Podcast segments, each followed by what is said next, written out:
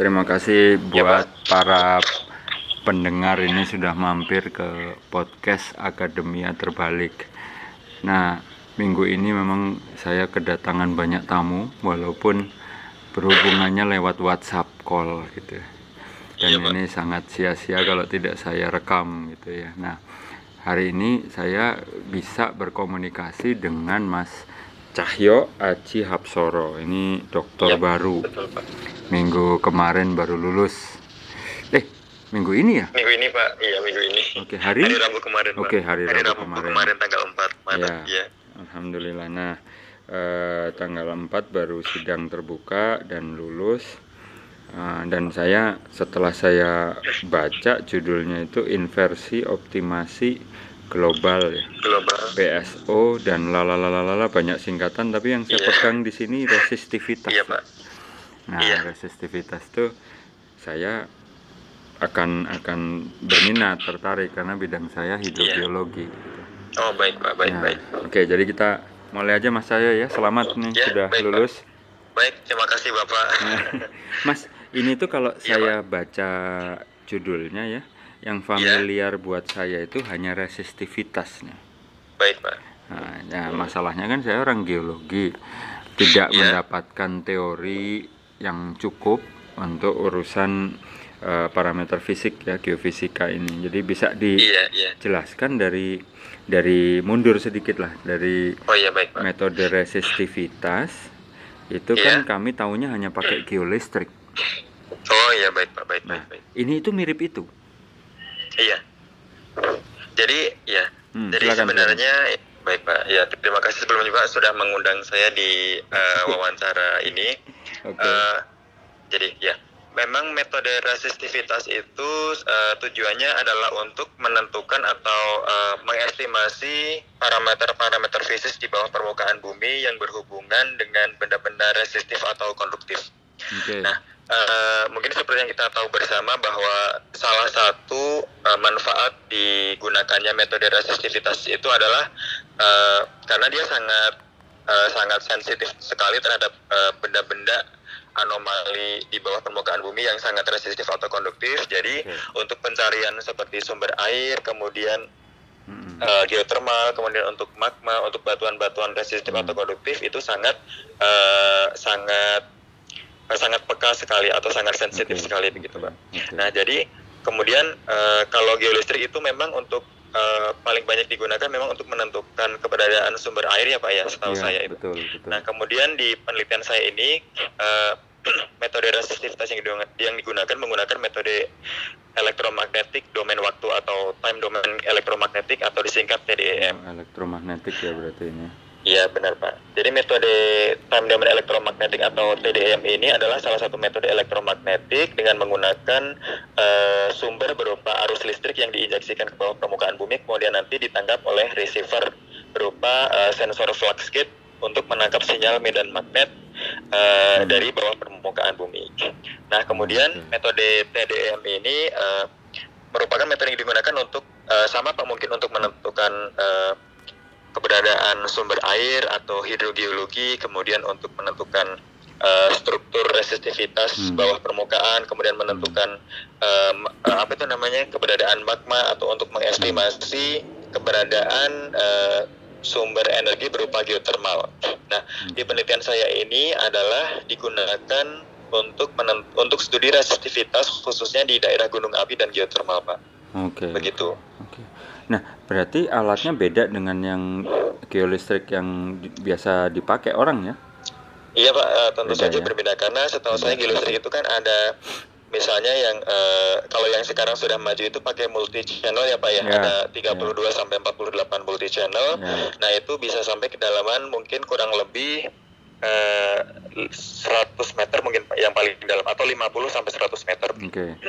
Nah, kemudian untuk yang metode TDM ini juga sebenarnya dia di ini Pak, sebenarnya dia di eh, resolusi dangkal, Mhm. di resolusi dangkal karena frekuensi yang digunakan adalah eh, berkisar antara 3 sampai 75 Hz. Jadi cukup besar frekuensinya sehingga eh, berdasarkan teori skin depth eh, Hmm. ketika frekuensinya besar maka dia berbanding terbalik dengan eh, kedalaman yang eh, di, yang dicapainya sehingga Hmm. eh, yang sehingga memungkinkan hanya sampai pada uh, ratusan meter saja begitu. Tetapi kelebihannya okay. adalah metode TDM ini memiliki resolusi yang sangat bagus okay. untuk uh, kegiatan eksplorasi uh, untuk menentukan uh, struktur resistivitas di bawah permukaan begitu Pak. Oke, okay, jadi uh, kedalamannya sih biasa saja, mungkin sekitaran ya, seratusan meter, tapi resolusinya Baik, jauh lebih lebih tinggi ya. Baik Pak, ya betul seperti Oke, itu. Sip. Tapi mendeteksinya mas sebenarnya sama. Lapisan-lapisan ya, yang mengandung air, kemudian lapisan-lapisan kontras yang mengandung uh, magnetik dengan yang tidak gitu ya. Iya. Terus ya. Uh, termasuk juga ada sesar begitu bisa dideteksi ya. Iya, bisa Bapak, okay. bisa. bisa. Oke. Okay. Jadi masalah itunya sebenarnya tidak beda jauh hanya tekniknya mungkin ya. Iya Pak, hanya tekniknya kemudian yang di informasi yang didapatkannya mungkin uh, sedikit berbeda begitu. Oke. Nah, dulu ada pakai studi kasusnya tadi geotermal ya? Iya Pak, studi kasusnya di geotermal untuk penelitian saya ini. Oh, di mana itu? Lapangan. Uh, baik, kebetulan uh, untuk studi ini menggunakan data yang sudah ada Pak, yaitu di data dari Gunung Api Unzen atau Unzen Volcano di daerah di Pulau Kyushu di Oh, di Jepang, Jepang ini teh. Iya Pak di Jepang hmm. benar karena di daerah di daerah tersebut uh, masih aktif dilakukan penelitian mengenai studi untuk studi struktur bawah permukaan karena gunung tersebut merupakan salah satu gunung api yang cukup aktif di Jepang hmm. Hmm. sehingga banyak uh, peneliti banyak ilmuwan dari Jepang maupun dari luar Jepang yang hmm. uh, banyak sekali untuk uh, tertarik meneliti uh, struktur resistivitas di bawah gunung Unzen seperti itu. Oh jadi di Kyushu ya Jepang Selatan ya? Iya Pak di Pulau Kyushu di hmm. Jepang Selatan benar. Oke. Okay. Nah ini berarti anda itu terdaftar di ITB tapi lokasinya di Jepang penelitiannya ya? Iya Pak lokasi untuk data penelitiannya berada di Jepang. Itu berarti apa didanai oleh siapa anda ini beasiswa? Oh untuk datanya ini Pak untuk datanya ini menggunakan data yang sudah ada jadi sebelumnya oh, sekunder uh, ya data, berarti? Iya Pak benar-benar data sekunder jadi tidak oh, melakukan okay. pengukuran langsung di lapangan. Ya, saja ada data yang uh, ada data yang mungkin masih bisa dimanfaatkan untuk di uh, untuk diolah, untuk diteliti lebih lanjut sehingga menggunakan data tersebut. Oke, jadi praktis sebenarnya biaya S3-nya optimal untuk, sekali ya, tidak tidak ada biaya lapangan berarti. Iya, Pak, tidak ada biaya lapangan. untuk biaya S3-nya ini, Pak, uh, banyak yeah. digunakan untuk biaya keperluan komputasi begitu pak. Oke. Okay. Dan makan minum. Iya. Yeah. Iya untuk makan biaya makan minum juga pak. Enggak enggak maksudnya begini bukan bukan dalam konteks negatif justru justru buat yeah, saya pak, ini yeah, konteks positif yang mana yeah. selama ini kan uh, mahasiswa-mahasiswa dan calon-calon mahasiswa S2 yeah. atau S3 itu sangat risau dengan yeah. Iya. uh, konsep uh, riset di bidang geoscience itu seolah-olah yeah. harus ini harus itu ke lapangan ini itu gitu kan sementara iya, kadang-kadang yeah, support dana itu tidak sejalan kan gitu ya baik baik nah, baik benar pak kadang-kadang uh, yeah. oleh pembimbingnya ayo kita bikin proposal ke mana yeah, yeah, mungkin yeah. ke dikti apa tapi kan yeah. bisa jadi tidak lolos juga kan gitu ya iya, dan yeah, yeah. dan ternyata itu tidak membuat kemudian riset itu menjadi ganti arah gitu tapi yeah, yeah, bisa yeah. saja kita menggunakan data-data sekunder yang Baik. ada di betul, daerah betul. lain bahkan ini negara lain betul. ya kan betul pak ya kan dan yeah. dan ini kok kok jadi gini gini saya, saya coba runut lagi karena ini menarik yeah. kalau data itu bisa dipakai orang lain untuk di reanalis analisis iya, berarti Pak. data iya. mentahnya ya. disimpan dong ya iya Pak sebenarnya data mentahnya okay. ada jadi si si eh, orang-orang Jepang ini mengadministrasikan data mentah ya kan iya dalam bentuk yang paling mentah sehingga orang lain seolah-olah ikut ngukur dulu betul ya iya betul pak betul, nah, betul. nggak saya saya menyampaikan ini itu karena sering kali kan kadang data itu sudah dalam bentuk yang bukan bahan baku lagi. Jadi so, kita sudah nggak bisa mentrace ulang dulunya pas mentah seperti apa kan gitu ya. Iya iya. Betul nah ini pelajaran yang kedua pak. Bahwa ya kan? Bahwa suatu riset Itu Ya. kalau data mentah atau data bahan bakunya itu disimpan dengan baik, Ya. Maka peneliti lain mungkin akan bisa memanfaatkan untuk tujuan-tujuan yang bahkan kita belum pikirkan. Betul, Pak. Betul nggak? Betul seperti itu, Ya Pak. kan? Benar, Nah, benar sekarang kalau ya. kalau kalau saya tanya nih ya, peneliti-peneliti originalnya dulu waktu ngambil data Iya. itu tujuannya untuk apa? Baik. Jadi peneliti sebelumnya memang menggunakan data tersebut sama Pak untuk studi struktur resistivitas di bawah eh, permukaan gunung api sama, Hmm. tetapi lebih ke eh, menggunakan metode yang berbeda begitu Pak. Oke. Jadi eh, ya kalau di dalam geofisika kan ada forward modeling dan inverse modeling Pak ya. Hmm. Nah, waktu nah sebelum sebelum eh, saya lakukan penelitian ini, sebelumnya telah ada yang melakukan penelitian, yaitu oleh eh, pembimbing saya sendiri, Pak. Anda sorry, kemudian- pembimbing, pembimbingnya siapa yang pertama? Eh, promotornya ini Pak, Bapak Wahyu Sudikutomo PhD. Oh, Pak Wahyu. Saya. Iya, Pak kemudian Wahyu, yang kedua Pak Acep. Yang kedua Pak Ade, pembimbing yang ketiga Pak Warsa dari Oh, Teknik Geofisika. ya itu. Iya benar. Anda di tangan Nah, yang tepat. Iya, alhamdulillah Pak. nah, kemudian eh, Pak Wahyu melakukan inversi menggunakan pendekatan deterministik yaitu metode inversi Occam atau smoothness inversion. Nah, Hmm. kemudian eh, di penelitian ini saya mencoba menggunakan data yang sama dan nanti dibandingkan hasilnya dengan penelitian sebelumnya. Hmm. Eh, saya menggunakan saya mencoba menginversi menggunakan pendekatan global yaitu eh, PSO atau Particle Swarm Optimization dan VFSE atau Very Fast Simulated Annealing Hmm. Di mana kedua metode tersebut merupakan metode non deterministik atau stokastik eh, statistik begitu. Hmm. Eh, kemudian eh, kami melak- eh, kami melakukan inversi tersebut dan dibandingkan hasilnya dengan penelitian sebelumnya dan eh, hasilnya bisa dikatakan eh, menyerupai atau dikatakan sama. Hmm. Nah, eh, jadi invers jadi eh, tujuan tujuan kami salah satunya dalam penelitian ini adalah Hmm. eh, menguji data TDM tersebut eh, menggunakan inversi pendekatan stokastik non deterministik begitu Pak. Nah, Oke. kemudian eh, kami berhasil melakukan inversi tersebut dan hasilnya sama sehingga eh, kami mencoba membuat suatu kebaruan begitu. Jadi memang Oke. eh, metode TDM ini menggunakan dilakukan dengan inversi PSO dan VFSC tersebut belum pernah dilakukan sebelumnya Hmm. dan men- dan mendapatkan hasil yang cukup baik.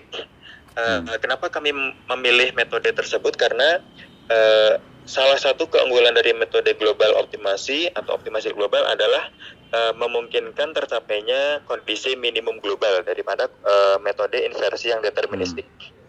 Ya dalam Hmm. dunia inversi atau dalam dunia geofisika eh, minimum global tersebut sangat bermanfaat karena eh, eh, kita mempunyai nilai selisih misfit data Hmm. antara data yang diinversi dengan data yang eh, diobservasi tersebut hampir hampir sama bisa dikatakan hampir sama sehingga Hmm. inversi tersebut dapat dikatakan sesuai atau berhasil begitu. Hmm, hmm. Oke. Nah, karena ada kata-kata global, ini itu apa? Iya Pak? Apa melibatkan data-data apa ya pembanding? Sorry ya, saya, saya orang bukan iya, orang silakan, Pak. Saya Baik, memba- Pak. membayangkan karena ada kata-kata global, maka seolah-olah ini tuh ada data pembanding yang dikumpulkan dari beberapa tempat di dunia. Oh, Enggak, global itu apa eh, maksudnya? baik, baik. Eh, sebenarnya inversi optimasi global itu adalah suatu teknik inversi menggunakan ini Pak, menggunakan optimasi begitu. Kata global tersebut Hmm. eh, diambil dari diambil dari kata diambil dari minimum global karena satu-satunya teknik inversi yang memungkinkan untuk tercapainya kondisi minimum global Hmm? atau misfit pada kondisi minimum global tersebut adalah menggunakan metode optimasi begitu Pak. Jadi optimasi global itu sebenarnya adalah gabungan dari uh, inversi menggunakan teknik op- optimasi un- untuk mendapatkan keadaan minimum global seperti itu Pak. Jadi tidak ada hubungan dengan dunia ya? Uh, bukan Pak. Bukan ya? Karena biasanya kalau ada kata-kata global itu kan menyangkut uh, dunia entah ada data pembanding atau apa begitu enggak ya? Uh, bukan Pak. Oke. Nah, Ya. sekarang uh, tadi saya tangkap metodenya stokastik non deterministik Iya. itu belum pernah dipakai. Kemudian setelah dibandingkan dengan deterministik hasilnya sama, memuaskan lah kemiripannya Ya, gitu ya. hasilnya baik Pak, benar-benar. Oke, artinya itu bisa dipakai. Nah, pertanyaan saya, eh, Iya, Pak. seandainya itu dibawa ke data yang ada di Indonesia, apakah Ya. memungkinkan juga hasilnya akan memuaskan? Baik. Sebenarnya eh, secara umum eh, metode optimasi global tersebut dapat diaplikasikan untuk data apa pun, Pak, begitu. Hmm, oke. Nah, karena ya, karena pada data eh, TDEM yang seperti yang kami lakukan ini, eh, datanya cukup berhasil. Eh, itu hal itu dibuktikan dengan kami melakukan suatu eh, penambahan noise secara random, yaitu noise sebesar 5% dan 10%. Hasilnya mengungkapkan bahwa eh, kedua metode tersebut yaitu PSO dan VFSA itu eh, memiliki nilai RMS misfit yang masih cukup kecil atau Hmm, dalam di- eh, dikatakan dapat dikatakan bahwa kedua metode metode tersebut cukup tahan terhadap adanya noise begitu Pak. Hmm, hmm. Kecuali mungkin untuk penambahan noise yang terlalu besar, nah itu eh, bisa jadi tidak ini tidak unik lagi begitu. Tetapi Hmm. untuk kondisi penambahan noise 5 sampai 10 persen, kedua metode tersebut masih cukup bisa bertahan akan adanya penambahan noise begitu. Oke. Jadi sangat memungkinkan sekali ketika eh, data-data pengukuran yang dilakukan di Indonesia, misalnya untuk data apa pun, misalnya untuk eksplorasi menggunakan geolistrik, untuk grafiti, magnetik atau apa pun, Hmm. eh, insya Allah kemungkinan besar eh, bisa dikatakan dapat ini pak, dapat dapat digunakan begitu metode inversinya. Oke, nah eh, berarti anda ini rely on kekuatan komputasi, ya?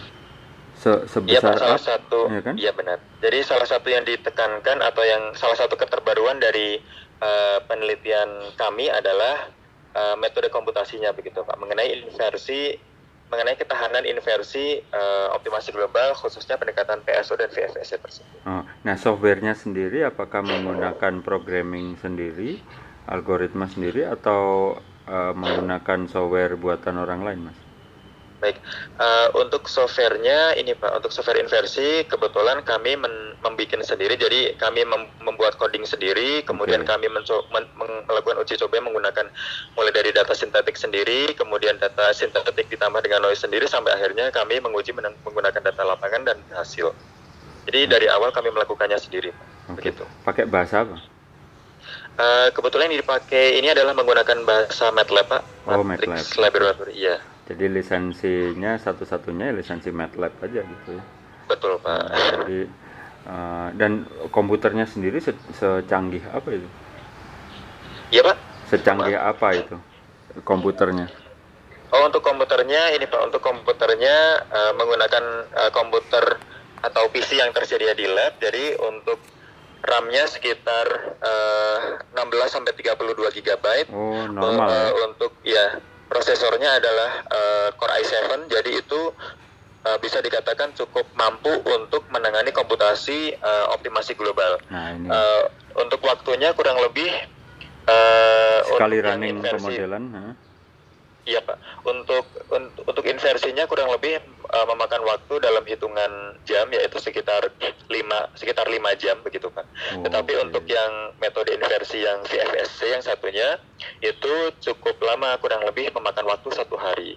Tetapi Hmm. hal itu mungkin tidak menjadi suatu persoalan yang besar karena mengingat sekarang ini teknologi sudah cukup canggih, cukup maju sehingga uh, mungkin dengan adanya paralel comput- computing atau Hmm, hmm. eh, komputer paralel itu sangat akan akan sangat membantu sekali dalam eh, melakukan inversi tersebut. Ah, tapi yang yang Mas Cahyo lakukan sudah pakai yang parallel computing itu?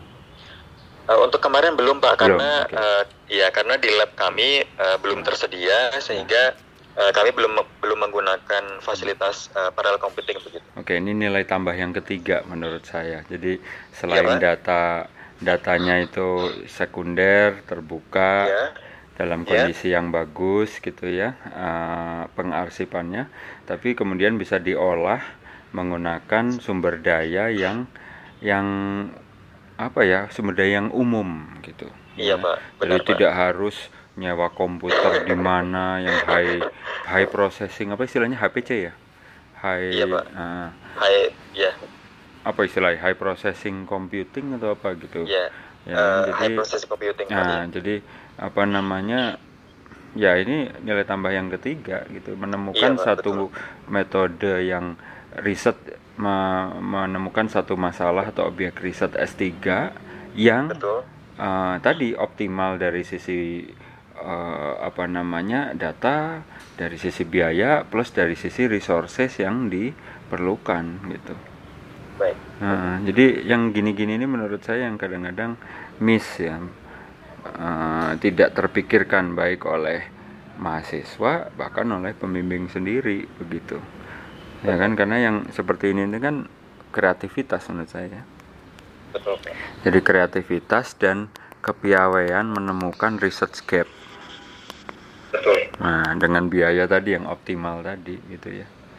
Menarik menarik ini. Jadi tidak hanya metodenya saja yang menarik tapi dari sisi uh, implementasi juga ini contoh bagus Pak, untuk para mahasiswa gitu. Jadi jangan apa-apa berpikir wah nggak ada dana ke lapangan padahal saya uh, objeknya tentang geologi misalnya gitu ya. Betul, betul, betul. Bagus Mas ini ya kenapa saya nggak kenal dari dulu ini ya untuk saya untuk saya apa namanya angkat gitu loh cara-cara seperti ini Betul, Pak, betul. menarik nah yang tadi saya mau eh, Iya, Pak. tanya lagi itu oh Iya, Pak. gini nah sekarang masalah optimasi waktu ya Oh iya, baik, Pak, baik. sejak sejak eh, ditentukan oke ini pakai datanya si Unzen ya, sampai selesai. Itu Baik, waktu pengerjaannya itu optimalnya tentunya pasti ada mondar mandir gitu ya Betul, Pak, konsultasi betul, betul. tapi optimalnya itu berapa semester ini? Baik. Jadi saya mulai mendapatkan data ini kurang lebih dari tahun akhir tahun 2018 kalau tidak salah, Pak. oke Dari du- akhir tahun 2018 sampai saya terakhir kali running. Jadi sebelum sidang terbuka kemarin eh, tanggal 4 Maret sebenarnya saya, eh, saya masih merunning, Pak, gitu. Saya masih melakukan running barangkali masih Oke. eh, masih mendapatkan hasil atau masih apa ya yang istilahnya kemarin masih eh, belum cukup eh, ini nanti masih apa masih ada kemungkinan untuk diperbaiki lagi. ya ya, ya. Nah jadi untuk untuk untuk proses running inversinya sebenarnya memakan waktu satu tahun lebih berarti ya pak ya. Oke oke. Begitu karena datanya data yang kami olah data yang kami inversi itu adalah eh, cukup banyak yaitu sebe- eh, kurang lebih sebanyak 13 stasiun pengukuran. Ah, 13 dan stasiun iya, ya? Dan- baik pak 13 stasiun pengukuran jadi cukup banyak. Dan satu dan satu kali satu stasiun tersebut eh, membutuhkan proses inversi yang eh, cukup lama begitu. Karena untuk data lapangan kita harus eh, mendapatkan hasil yang istilahnya eh, cukup fit begitu pak Ya. jadi kami melakukan inversi untuk satu ka- untuk satu stasiun pengukuran saja itu sudah berkali-kali Hmm. mungkin ada sekitar puluhan bahkan ratusan kali eh, running inversi hanya untuk mendapatkan hasil yang terbaik untuk Satu stasiun? stasiun pengukuran saja begitu. ratusan kali inversi untuk satu stasiun gitu ya Iya pak, puluhan hingga ratusan kali. Satu stasiun Karena kan eh, ya karena salah satu sifat dari metode optimasi global itu adalah eh, randomness atau acaknya begitu pak. Jadi eh, pada satu pada satu algoritmanya itu adalah eh, kita mem- kita membangkitkan bilangan random untuk mendapatkan model awal. Berbeda dengan metode non deterministik karena eh, metode dalam metode non non deterministik tersebut, eh, maaf, metode deterministik tersebut eh, kita mendap kita memberikan model awal yang cukup harus cukup dekat dengan model sebenarnya. Tetapi kalau metode non deterministik stokastik tersebut eh, kita cukup mem- mem- me- membangkitkan suatu bilangan random sehingga dia akan Hmm. eh, mencari eh, optimasinya sendiri begitu. Nah, karena hasilnya yang karena sifatnya yang random itulah, maka kadang eh, kita melakukan 5 atau 10 kali running dengan eh, konstanta-konstanta inversi yang sama belum tentu dihasilkan eh, hasil inversi yang sama begitu, Pak. Sehingga eh, kami runningnya berkali-kali begitu sampai dihasilkan Ya, misfit ya, yang terbaiknya. ya jadi kan eh, di situlah letak ininya upayanya ya effortnya begitu ya Betul, Pak. Menarik nih ya ya oke jadi eh, dan artinya begini artinya kan metode ini siap untuk dicoba pada data yang sama tapi lokasinya di Indonesia kan gitu ya Betul, Pak. Betul. Nah, ditambah lagi mungkin pemilihan Unzen ini didasarkan kepada tipe gunung apinya yang juga stratovolcano begitu ya, yang di Indonesia Betul, Pak. juga itu memang itulah tipenya begitu. Betul, betul. Udah. Oke Mas. Dan salah kasih. satu Hmm. alasan apa itu namanya eh, memakai data yang di itu karena Hmm. eh, di tahun pada tahun pada tahun-tahun sebelum pengambil dilakukan pengambilan data terdapat ini Pak sebenarnya terdapat terdapat data bor sehingga eh, kita bisa mencocokkan atau istilahnya mengcross check mengcross check kembali nilai-nilai eh, resistivitas pada setiap kedalaman tertentu gitu. Oke. Iya. Oke. Nah, ini menarik. Oke, jadi nah, oke ini sekarang sudah selesai tentang riset ya, sedikit lagi nih. Oh iya, Dulu baik. Mas Cahyo S1-nya dari mana dulu? Sejarah pendidikannya. Baik. Kalau S1 saya dari Semarang, Bapak. Undip. Iya, kalau S1 dari Semarang, kemudian eh, melanjutkan S2 di ITB, kemudian S3 di ITB lagi. Oke. Ini memang eh, dosen di suatu institusi atau gimana Mas Cahyo? nih? Eh, untuk sampai sekarang ini eh, masih ini Pak, masih bebas atau belum mendapatkan eh, instansi Ah, mana pun. Jadi eh, sampai sampai detik ini eh, masih masih apa ya masih dipercaya untuk menjadi asisten akademik di lingkungan Oke, fisika oke. ITB begitu. Ya mudah-mudahan ini segera jelas ininya karirnya. Amin Pak, terima Karena- kasih banyak Pak.